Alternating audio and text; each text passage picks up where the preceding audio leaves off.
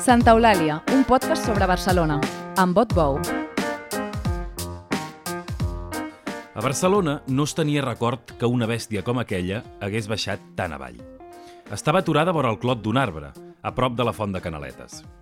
Escoltava, olorava amb tota la memòria animal bellugant-se-li dins el morro. Veia un bosc de cames que es movien. Així comença l'última novel·la de Raül Garrigasait, Profecia.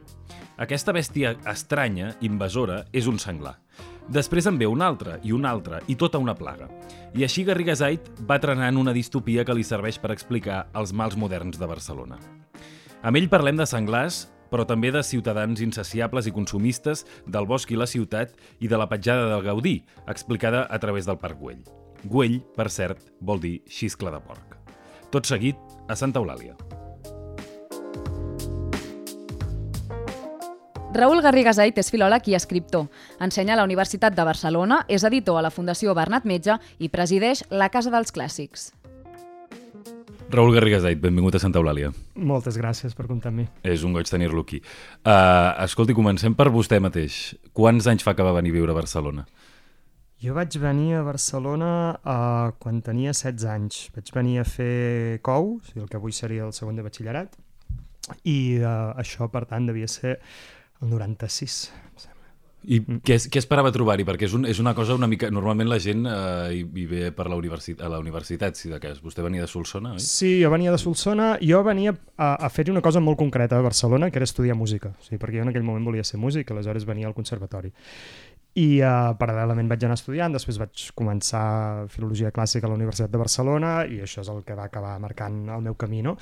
Però hi, hi venia a buscar mm, estudis, sobretot, o sigui, venia a buscar això i després va coincidir que jo tenia amics més grans que jo mm, que ja vivien a Barcelona i que naturalment em van obrir les portes a tota una manera de viure i una manera de, de relacionar-se amb la gent i tot d'espais que, que per una persona adolescent no, és, són absolutament fascinants. Què, què, què el fascinava? Quina mena de, de canvi recorda més? Clar, jo recordo molt, i això és una cosa que m'ha continuat interessant sempre, el, les formes de sociabilitat típiques de la ciutat, no? O sigui, les, les ciutats el que tenen és que intenten generar un, una mena de forma de sociabilitat que de vegades és més refinada, de vegades és més gamberra, no? però que es distingeix d'alguna manera de, del món rural. I de vegades és una forma de distinció, eh, també, de crear, de crear unes certes fronteres socials. Al capdavall, a Barcelona és el lloc on hi ha doncs, les institucions de la cultura moderneta, no? les llibreries guapes, o sigui, tot, tot aquest món que, no, que, és, que té un gran pes en el món cultural, eh, justament, que era el, el món on, on em movia. Hi ha I, més teatralitat en els gestos, potser, en, el, en les conductes. Hi ha potser més autoconsciència. Més, sí, o sigui, és, els gestos poden ser molt teatrals a tot arreu, però sí que és veritat que hi ha uh, aquesta sensació d'ocupar un lloc una mica més refinat, potser una mica més elevat en, en, en les jerarquies de la humanitat. I això és, això és divertit de veure-ho quan arribes és molt divertit i a més és una, de, de seguida et fa sortir necessitats mimètiques dins teu perquè et vas mimetitzant amb la ciutat i vas entrant dins d'aquesta manera de fer, no? Uh, jo, jo sempre m'he acabat, tinc la sensació que m'he acabat quedant a mig camí, no? Vull dir que, que, que aquestes formes de distinció um, per raons laborals doncs de vegades hi entro però sempre em fan una mica de gràcia i m'acabo quedant com a, a la porta no? no, no hi acabo d'entrar del tot Sempre has estat al mateix barri?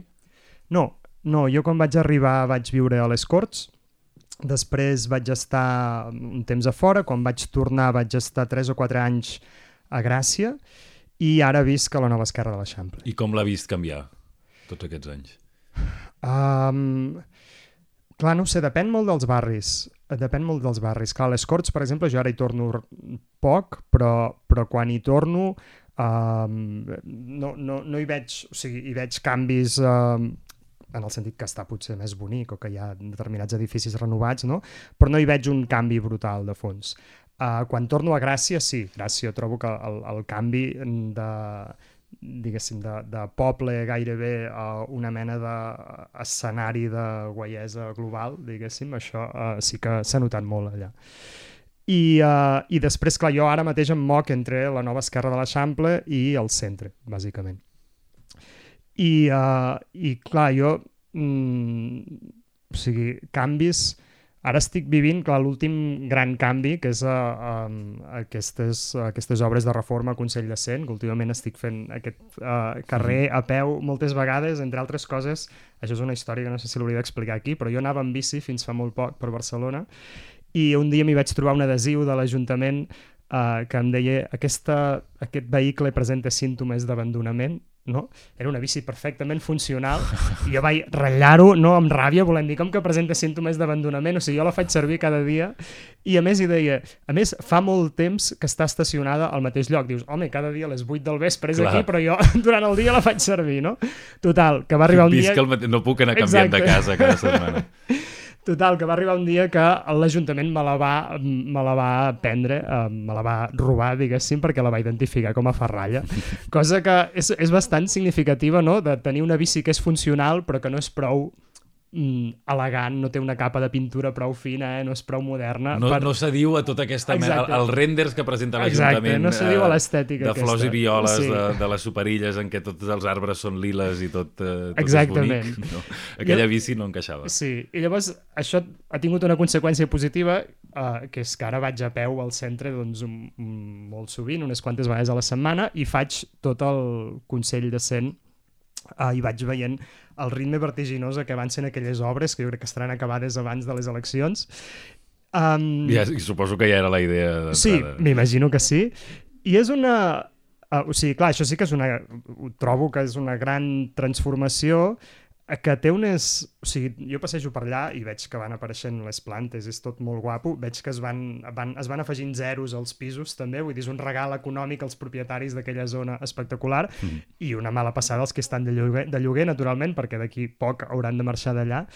Um, però al capdavall és un canvi um, que que és molt, o sigui, molt en la línia del que s'ha fet sempre a Barcelona, no? O sigui, la, la Rambla del Raval mm, també era una, una cosa semblant, no? El que passa és que allà els canvis van ser encara molt més dràstics uh, i és una... Mm, vull dir, és el, és el gran dilema potser de sempre, vaja, de sempre, de les últimes dècades, uh, que, que, que es comenta sempre a Barcelona, la cosa d'haver de triar entre una ciutat uh, diguéssim, uh, guapa, moderna, amb uns preus desorbitats que expulsen els barcelonins, o una ciutat lletja i decadent amb uns preus acceptables per, per, pels barcelonins, però que és una merda, diguéssim, no? Sí. I aquesta mena de disjuntiva, o sigui, no, no poder trobar un, un, un desllorigador en això és, és el drama. No? I això quan els preus en, en l'escenari de la ciutat lletja, diguem-ne, quan els preus són assequibles, perquè també hi ha, de, de, de, de vegades l'escenari és al revés, no és ni la ciutat guapa amb els preus desorbitats, Clar, sinó pot, que sí, sí, és, to, és tot terrible, diguem-ne. Sí, sí. Exacte. Uh, avui volíem parlar amb vostè també de, de l'última novel·la que ha tret, que es diu Profecia, en què precisament parla d'una Barcelona a un punt distòpica, que no, no pas gaire lluny d'aquí en el temps, que sembla que se situa al 2025-2026. Sí. Um, què, què veu quan vostè camina pel Consell d'Escena o quan, quan passeja per Barcelona o quan interactua amb, amb altra gent a Barcelona, quins elements li fan pensar que, que anem camí d'una distopia barcelonina? Bé, no, o sigui, no, no estic segur, vaja, no estic segur, qüestionaria que, el, que la novel·la presenta una Barcelona distòpica, sí que presenta una Barcelona amb una relació amb la natura diferent mhm. -huh. i, i, i que pot fer una mica d'angúnia al final, eh, ho reconec. Però mm, a mi, de fet, és que potser la cosa que em resulta més inquietant del, de, que forma part d'aquesta sociabilitat urbana que dèiem, eh, és uh, la, la, la relació estranya que es genera amb els animals i amb aquesta humanització dels animals, no? I, i aquesta... Mm, uh, o sigui, el fet que convivim d'una banda amb tots els animals domèstics que, que viuen una mena de vida humanitzada molt curiosa, molt particular, amb totes les plagues de la ciutat que les veiem i no les veiem. De fet, em sembla, si no recordo malament la dada, que hi ha més, hi ha més gossos que criatures, ja. Això, per mi, és... Uh, o sigui, és una cosa molt, molt típica de la ciutat i sí que és... Uh, em, em, em, em provoca un cert desassossec, no? I un cert desassossec i unes certes preguntes sobre uh, fins a quin punt la humanitat pot entendre's a si mateixa uh, d'una manera raonable, no? Um, esborrant aquestes fronteres no? d'una manera tan dràstica. Ja sé que això és una cosa... Vull dir que avui dia està molt de moda parlar de l'antiespacisme i de tot això, eh? jo, jo no, no em situo aquí, em situo més aviat a l'altra banda, però, però això es veu molt a Collserola i per això la novel·la sortia el, sí. surt aquesta frontera eh? entre el bosc i la ciutat. A Collserola, de fet, clar, és, és la cosa més semblant a un bosc que tenim aquí a prop, no? després de la pandèmia anàvem a Collserola a respirar, semblava la Rambla allò, i, però de fet et mires Collserola, et mires la història de Collserola i que allò sigui un bosc és molt recent. O sigui, fa 100 anys eh, hi ha fotos de l'ermita de Sant Madí, aquesta ermita que està entre Barcelona i Sant Cugat, i tot el vessant de darrere està pelat, pràcticament, i comença a sortir algun pi. Perquè eh, Collserola era una zona de vinya, o sigui, era una zona que s'havia desforestat per cultivar-hi vinya. Uh, aleshores, uh, què ha passat? Que hi ha hagut abandonament rural, ha aparegut aquest bosc i quan apareix aquest bosc això és un hàbitat perfecte pel senglar. I, i d'aquí ve aquesta, o sigui, aquesta convivència tan estranya amb els senglars que, que és realment inquietant. O sigui, jo això ho he vist uh, davant de Vilajoana, uh, aquests senglars que ja han perdut la por uh, de les persones, mm -hmm que és bastant peculiar d'aquí Collserola, perquè els senglars de terra endins no han perdut la por de les persones, o sigui, quan veuen algú se'n van i ja està. I en canvi aquí s'han acostumat a, a això, a consumir les deixalles de, de la gent, a acostar-se a les terrasses. I de, és que de vegades la gent, eh, per exemple, jo vaig per raons personals molt sovint a Montbau i a la, a la zona de la Vall d'Hebron i, la gent els dona menjar. I et trobes munions de gent donant-los trossos d'entrepà, és normal fins a cert punt que hagin perdut la por. I tant, i tant, sí, sí. Han perdut la por i és com si s'haguessin mig humanitzat perquè la seva dieta ha passat a ser una dieta humana de, de menjar porqueria sovint i de fet el, els veterinaris quan fan autòpsies als senglars, això surt a la, a la novel·la, uh, dins dels senglars hi troben la representació de la ciutat amb tots els seus excessos, amb, amb tot el seu menjar porqueria, amb les seves malalties també, no? que aquesta és l'altra cosa problemàtica, que són senglars que baixen i que sovint no són animals sants, són, són animals que poden entrar als parcs infantils i transmetre malalties a, als infants. De fet, hi ha un personatge que ho diu literalment, no? que diu aquest greix que obre, obre esbudella un senglar de la baix i diu aquest greix és la ciutat en Exacte. si mateixa. Ah, I aquesta relació amb els animals, no només amb els senglars, és diferent uh, al camp que a la ciutat?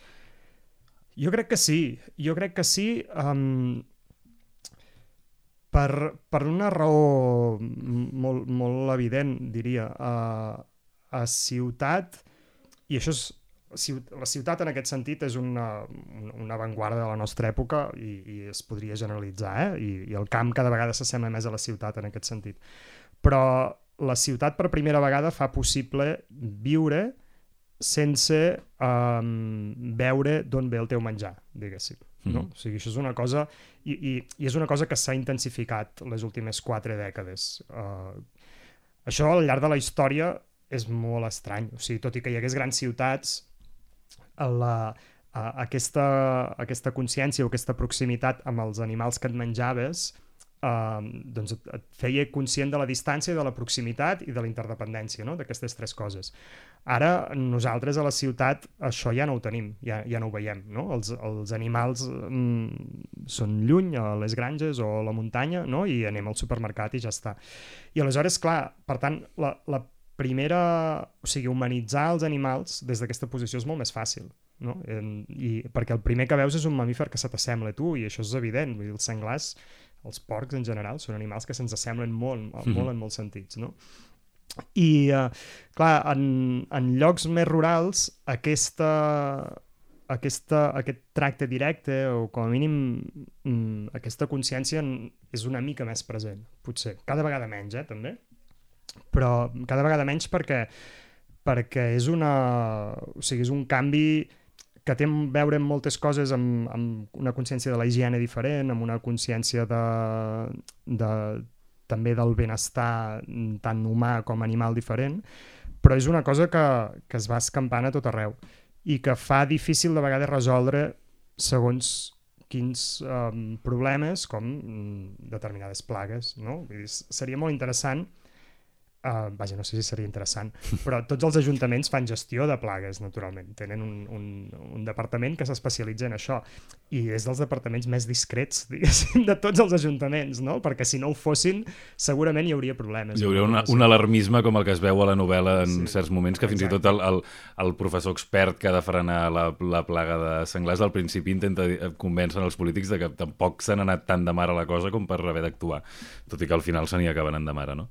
Uh, escolta, hi ha també aquest paral·lelisme amb tota, amb tota la novel·la de si nosaltres, a banda d'aquesta relació estranya que tenim de, de, com de tendresa amb els porcs senglars, de si nosaltres uh, també tenim aquest punt d'insaciables com a ciutadans i com a consumidors que tenen els senglars quan no paren de, de remenar entre la porqueria, entre les deixalles, no? De si, si nosaltres eh, també ens comportem com, com porcs, si hi, ha, si hi ha aquesta metàfora, no? Sí, hi ha, hi ha, hi ha aquesta metàfora, hi ha, hi ha moltes semblances perquè el, el porc és un, el senglar és un animal ultra adaptable, molt intel·ligent, eh, que s'acaba ficant a tot arreu, gairebé qualsevol hàbitat li va bé, i en aquest sentit s'assemblen molt a nosaltres, vull dir, hi ha, hi ha, hi ha això. Després el que hi ha també és la, la reflexió sobre la nostra pròpia animalitat i el fet que la ciutat, i això lliga amb allò de les formes de sociabilitat que deia al començament, la, la ciutat es presenta com l'espai que està per sobre de l'animalitat. No? I aquestes formes de sociabilitat són formes de distanciament respecte d'una certa ima- animalitat imaginada. El més, el més habitual des de la ciutat és veure els pagesos com a bestiotes, no? que maltracten els animals i fan totes aquestes coses. I, um, i per tant, que la ciutat es defineixi a si mateixa com a no animalitat i que alhora sigui l'espai on és possible eh, tota aquesta proliferació dels porcs senglars, eh, em semblava interessant, em semblava que donava un joc doncs, eh, allò fecund per reflexionar. D'alguna manera sembla que com que a la ciutat de vegades veuen la gent de camp com si fossin animals i en canvi els animals com si fossin persones, no? Sí, bastant. Hi ha, sí, hi, ha un, sí. hi ha un moment, de fet, que hi ha un dels, un dels regidors, em sembla, que diu uh, que no, que s'ha de, de preservar fins i tot el dret a la participació política de, del, dels éssers vius no humans, no? Sí, sí, exactament. Um, uh, també, no sé, si, no sé quina part hi ha, uh, amb això que el, el títol mateix ja ho diu, que és profecia, no sé si hi ha un punt de- d'avís com del uh, que ens hem girat d'esquena a la natura i que uh, això que deia, no? que Collserola mateix s'ha reconvertit i a poc a poc se'ns pot tirar cap al damunt, no? Sí, hi ha... El, això, el títol aquest és molt irònic perquè d'una banda hi ha el, el joc amb tota la tradició de la literatura profètica des de la Bíblia, que és una tradició que sempre mm, gira al voltant d'una idea obsessiva uh, que, que és la que els, els profetes verbalitzen. Els profetes diuen us heu corromput, us heu degradat, us heu convertit en una societat desordenada, injusta, etc. I per tant us caurà una plaga sobre o vindrà un exèrcit estranger i us arrasarà, no? o qualsevol cosa d'aquestes. I aquest, aquesta manera de pensar, aquest pensament profètic, és el, és el pensament bàsic d'avui en molts sentits, crec jo. En, en els mitjans de comunicació, quan publiqueu notícies, no? n'hi ha unes quantes sempre que són profecies sobre coses que han de passar. I, um, I per tant hi ha això, hi ha, hi ha aquest joc amb aquesta manera de pensar, que és una manera de pensar molt, molt dura, trobo, molt interessant, molt potent perquè uh, pot arribar a canviar el comportament de les persones, realment, però dic que és molt dura perquè posa damunt les espatlles de cadascú de nosaltres el pes del futur, no? És, és això de, ostres, si no recicles, diguéssim, Ens morirem ens tots. morirem tots. I fins a un punt una mica injust, en el sentit que tots sabem que reciclar és important, però també sabem que un, un gest individual és molt poca cosa no? al costat de problemes que s'han de resoldre des d'altres àmbits sovint.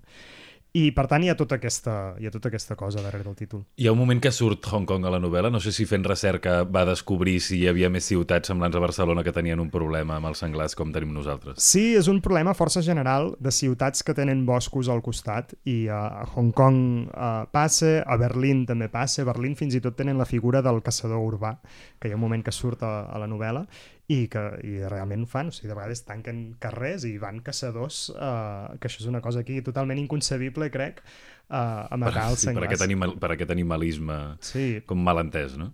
pot ser, sí. Uh, hi ha una altra, a banda dels senglars, diguem-ne, que, que la novel·la respecta molt la realitat urbana, la, la realitat autèntica, diguem-ne, de la ciutat. És a dir, que se situa en l'actualitat la, o se situa al cap d'aquí dos anys, però el, el conflicte nacional, per exemple, no s'hi amaga. De fet, hi, hi ha un moment que m'ha fet molta gràcia perquè uh, hi ha un senglar que, que, que baixant per la Via Laietana, entra un moment a la comissaria de la Policia Nacional i els policies nacionals el fan, el fan fora cosses i vaig, quan, llegint-ho vaig pensar ostres, realment, fins i tot amb una, amb una novel·la, ja sé que he dit no distòpica, però fins i tot amb una novel·la que, que té un punt de deliri eh, en què els senglars ens envaeixen a nosaltres, el, el poder espanyol continua sent, o sigui, continua sent el més consolidat a dins de la ciutat, no? que no hi ha, no hi ha marge per això, pràcticament, sembla. Sí, la, sí, o sigui, de fet la, la novel·la mm, no és, no és una novel·la sobre el conflicte nacional, però és una novel·la on, on això hi surt, perquè jo tenia molt clar que si, que si parlava de Barcelona i parlava dels pròxims dos anys de Barcelona no, no podia esborrar tot això, o sigui, no, no volia convertir-ho en una ciutat que pogués ser qualsevol ciutat del món, no? havia de ser Barcelona i això és una cosa important que passa aquí, per tant, eh, hi surt i a més em, em permetia lligar-ho amb una cosa que forma part de l'argument de, de la novel·la, que és la, una, una certa impotència política, mm. no? que, això, que això hi és molt, la impotència tant davant el problema aquest que es troben a la novel·la dels senglars que van envaint la ciutat, com, naturalment, impotència en altres nivells, no? Eh, que és una sensació, jo crec, molt molt estesa justament després del procés. No? La, la sensació que hi ha una mena d'institucions que, són, que estan gairebé museïtzades, no? que, que, que hi són perquè representen alguna cosa, però, però representar en el sentit artístic, no, no en el sentit polític. No? De fet, a la, a la novel·la el, el Palau de la Generalitat és el Museu de l'Autogovern català. No? Exacte, sí. Uh, I escolti, ara que, ara que parlem de la literatura que, que explica Barcelona, uh, volíem parlar també de literatura amb vostè, i concretament de, de com Uh, la imatge de Barcelona s'ha anat construint, com la literatura hi ha anat, hi ha anat contribuint. Aquí en aquest podcast n'hem parlat uh, sobretot sobre la, la segona meitat del segle XX. Jo li volia demanar per la, per la primera, per abans de la guerra, com, com en el moment que es construïen les ciutats, com es va construir la imatge de Barcelona.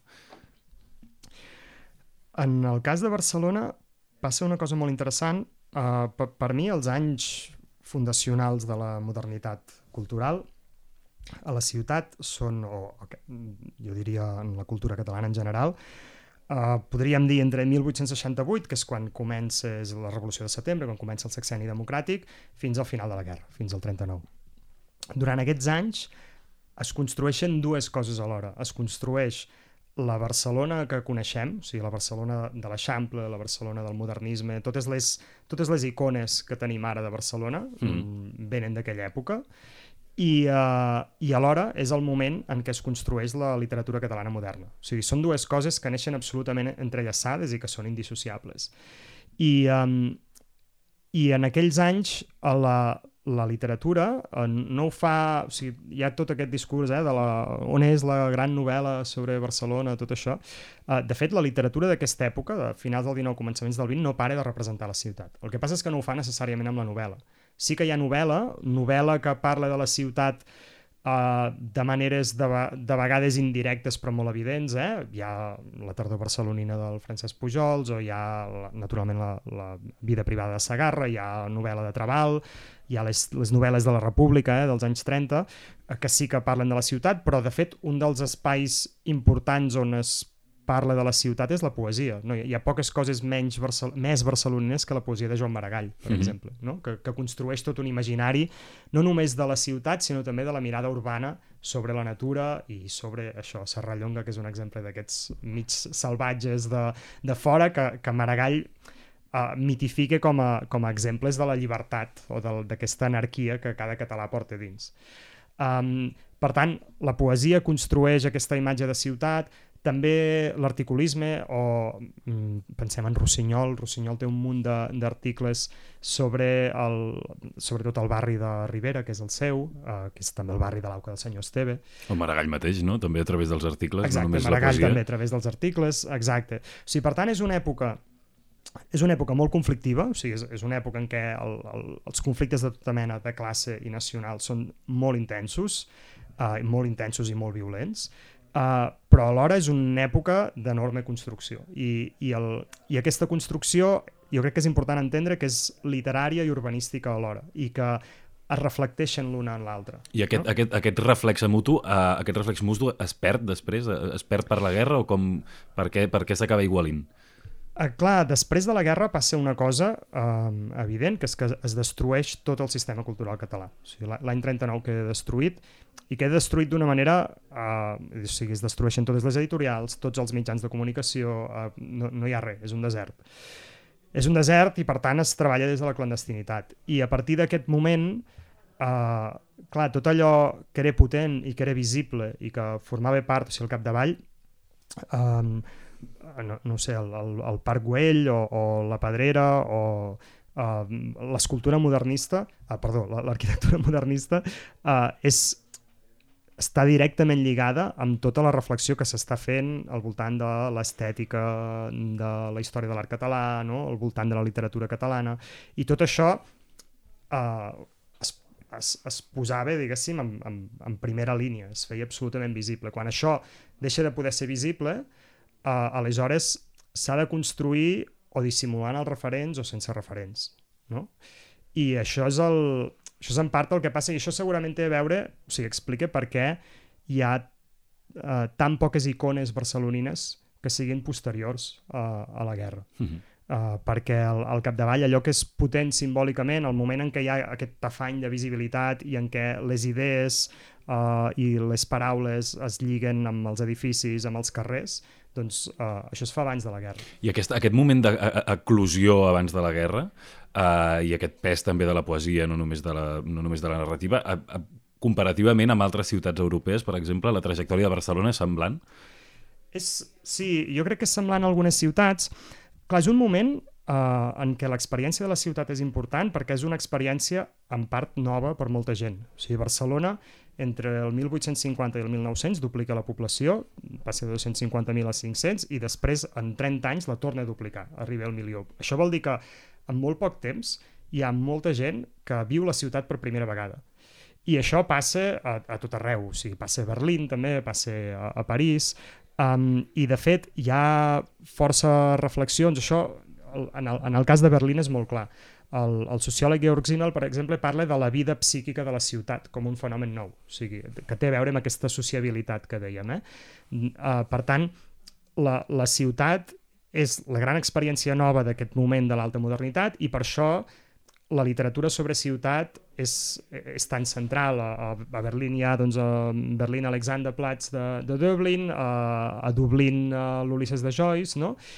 I uh, en, en aquest sentit el que passa a Barcelona és semblant, però no o sigui, en la novel·la també hi és, però no s'expressa d'una manera central en la novel·la. S'expressa segurament d'una manera més central fins i tot en la poesia i, i abans has esmentat Maragall, però podríem parlar de Carné, la primera poesia de Carné és una, és una poesia absolutament barcelonina, és una poesia que es fixa en, en els detalls més petits de la gent que Carné es trobava al tramvia no? i els hi dona una forma poètica universal.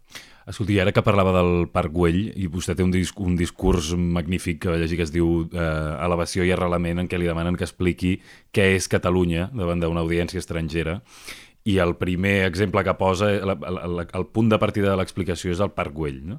que de fet Güell vol dir eh, xiscla de porc, que ho diuen, eh, ho diuen en aquesta novel·la. Potser estem condemnats a ser, a ser senglars els barcelonins. Però per què, per què simbòlicament és tan, és tan important el Parc Güell? Per què, què explica de nosaltres? El Parc Güell eh, es va es va projectar damunt de la, la, la, un tros de l'anomenada muntanya pelada, no? I és, és molt... Això ja és una primera cosa significativa, no? Que un, un lloc que té aquest nom despectiu, no? O sigui, una, una muntanya que és... Uh, que, que de fet en aquell moment no, no, per, no, no pertanyia a la ciutat. Que no pertanyia a la ciutat, exacte, que quedava fora, doncs eh, construir allà una cosa extraordinària, aquesta mena de transmutació eh, alquímica de la cosa que és estèril, la cosa absolutament fecunda, doncs això ja, ja ens diu alguna cosa, però a més després és interessant la manera com ho va fer Gaudí, perquè uh, Gaudí no, no ho va aplanar, la idea no era construir un espai geomètric, que després això ho podem posar en relació amb l'Eixample, eh? en podem parlar després, uh, no era aplanar-ho, no era aplicar una mena d'esquema racional, uh mhm. -huh. sinó que era aprofitar els desnivells de la muntanya per donar uh, una forma sensual a aquell parc. No? I això és, això és una primera cosa interessant. L'altra cosa és, són les tècniques que va fer servir el cas eh, més clar és el trencadís, no? de, que és tant de Gaudí com de Josep Maria Jujol, o potser més de Jujol i tot, eh? Uh, que el trencadís és una manera de, de crear una cosa bonica, colorida, a partir de les deixalles, a partir de ceràmica trencada, no? ajuntada amb argamassa. No ho vull portar tot allà mateix, però, però és que realment és, és, de, és un mètode senglar. Eh? Mètode senglar, exacte. Ampolles de vidre, per exemple, Ampolles van agafar... de vidre, exacte, ceràmica, i uh, és una és una manera molt bonica de sacralitzar l'espai i de sacralitzar les coses més humils, no? De dir, el, això, que, això que hem rebutjat, això que no volíem, això que ens semblava que era poca cosa, en realitat, mira, es pot convertir en aquest banc meravellós del teatre grec de, del Parguell. Per tant, hi ha tota aquesta mirada, diguéssim, gairebé eròtica eh, sobre la Terra o mística. Però, a més a més, el, el Parguell té un altre aspecte, que és la, la projecció idealista eh, o universalista. El Parc Güell té, per exemple, un espai que Gaudí anomenava el teatre grec, Uh, hi ha unes columnes dòriques, o un, un, uh, més o menys dòriques, per tant, hi ha la voluntat que allò sigui una mena de nova Grècia. I mm. no només una nova Grècia, sinó un nou Delfos. I Delfos és on, segons els grecs, hi havia el malic del món, no? el centre de la Terra. O sigui que és tota una declaració de principis. És, jo agafo la, la terra més estèril, els materials de rebuig i els converteixo en el centre del món. Els catalans de les pedres en fem pans, no? Exacte. És, és, és, com, és una declaració de, de convertir eh, Catalunya en la capital del Mediterrani, o Barcelona en la capital del Mediterrani, vaja. Sí, sí, sí, aquesta idea ja... I, i clar, i això lliga molt amb la mirada també sobre el passat i sobre les coses que uh, potser en algun moment ens semblaven, ens semblaven que no eren valuoses, però en realitat ho poden ser molt, no? O sigui, hi ha tota, tota una lliçó sobre un altre camí cap a la modernitat, no? O sigui, la modernitat es pot entendre com un camí de ruptura, com un camí de rebuig de tot el que hi ha abans i de construcció d'una cosa racional i escèptica, i en part l'Eixample és això, uh, però hi ha un altre camí, que és eh, dir la modernitat és capaç de veure tota la fecunditat amagada que hi ha en les coses que havíem rebutjat nosaltres mateixos. I aquest és el camí del Parc Güell. Mm -hmm. Aprofundeixim amb aquesta, amb aquesta comparativa amb l'Eixample, amb aquesta diferència amb l'Eixample. Què, què vol dir que és un altre camí? Sí, l'Eixample té una... també té una, una dualitat incorporada molt bonica. O sigui, l'Eixample, d'una banda, és una, és una trama racional mmm, semblant a la que projectaven els pensadors utòpics del segle XIX o sigui, és, és una mena d'utopia feta realitat. Totes aquelles comunitats utòpiques dels icarians, eh, i aquella gent que se n'anava als Estats Units a comprar un terreny per construir la societat ideal, totes, tots aquells projectes van fracassar, però en canvi l'Eixample no. O sigui, l'Eixample és, és el, el que va quedar d'allò, en certa manera, i, i clar, la idea fonamental de l'Eixample és construir una trama racional a partir de la raó innata, diguéssim, no, no es basa en cap tradició, simplement es basa en la geometria, eh, en una mena de diguéssim, de nucli humà universal, que no és local, que no està vinculat a cap lloc. No? O sigui, en, en Cerdà hi havia aquesta idea. Però alhora, els noms dels carrers de l'Eixample són els noms de la tradició catalana. O sigui, són els noms més arrelats de tot Barcelona, no?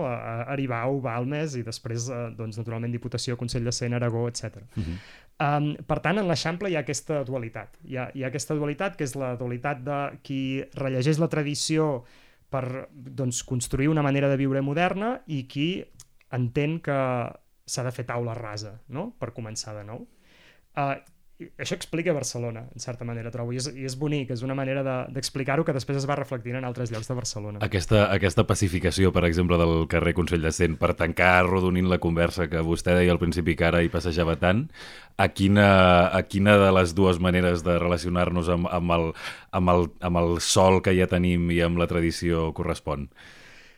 La, per mi aquesta pacificació és una, és una continuació, un desenvolupament de la idea racionalista universalista de l'Eixample. Uh, el que passa és que la gràcia d'això és que la vida no és mai universalista i racionalista i la vida ho acaba conquerint tot una altra vegada, no? I al capdavall Uh, aquest carrer pacificat és un carrer que es diu Consell de Cent, que és el nom de l'antic Ajuntament de Barcelona i és un, camé, un carrer on hi viuen barcelonins, on hi viu gent que acabaran fent alguna cosa que no serà pur universalisme, diguéssim, desarrelat, sinó una altra cosa. Molt bé, doncs uh, un ple de conversa, Raül Garrigasait.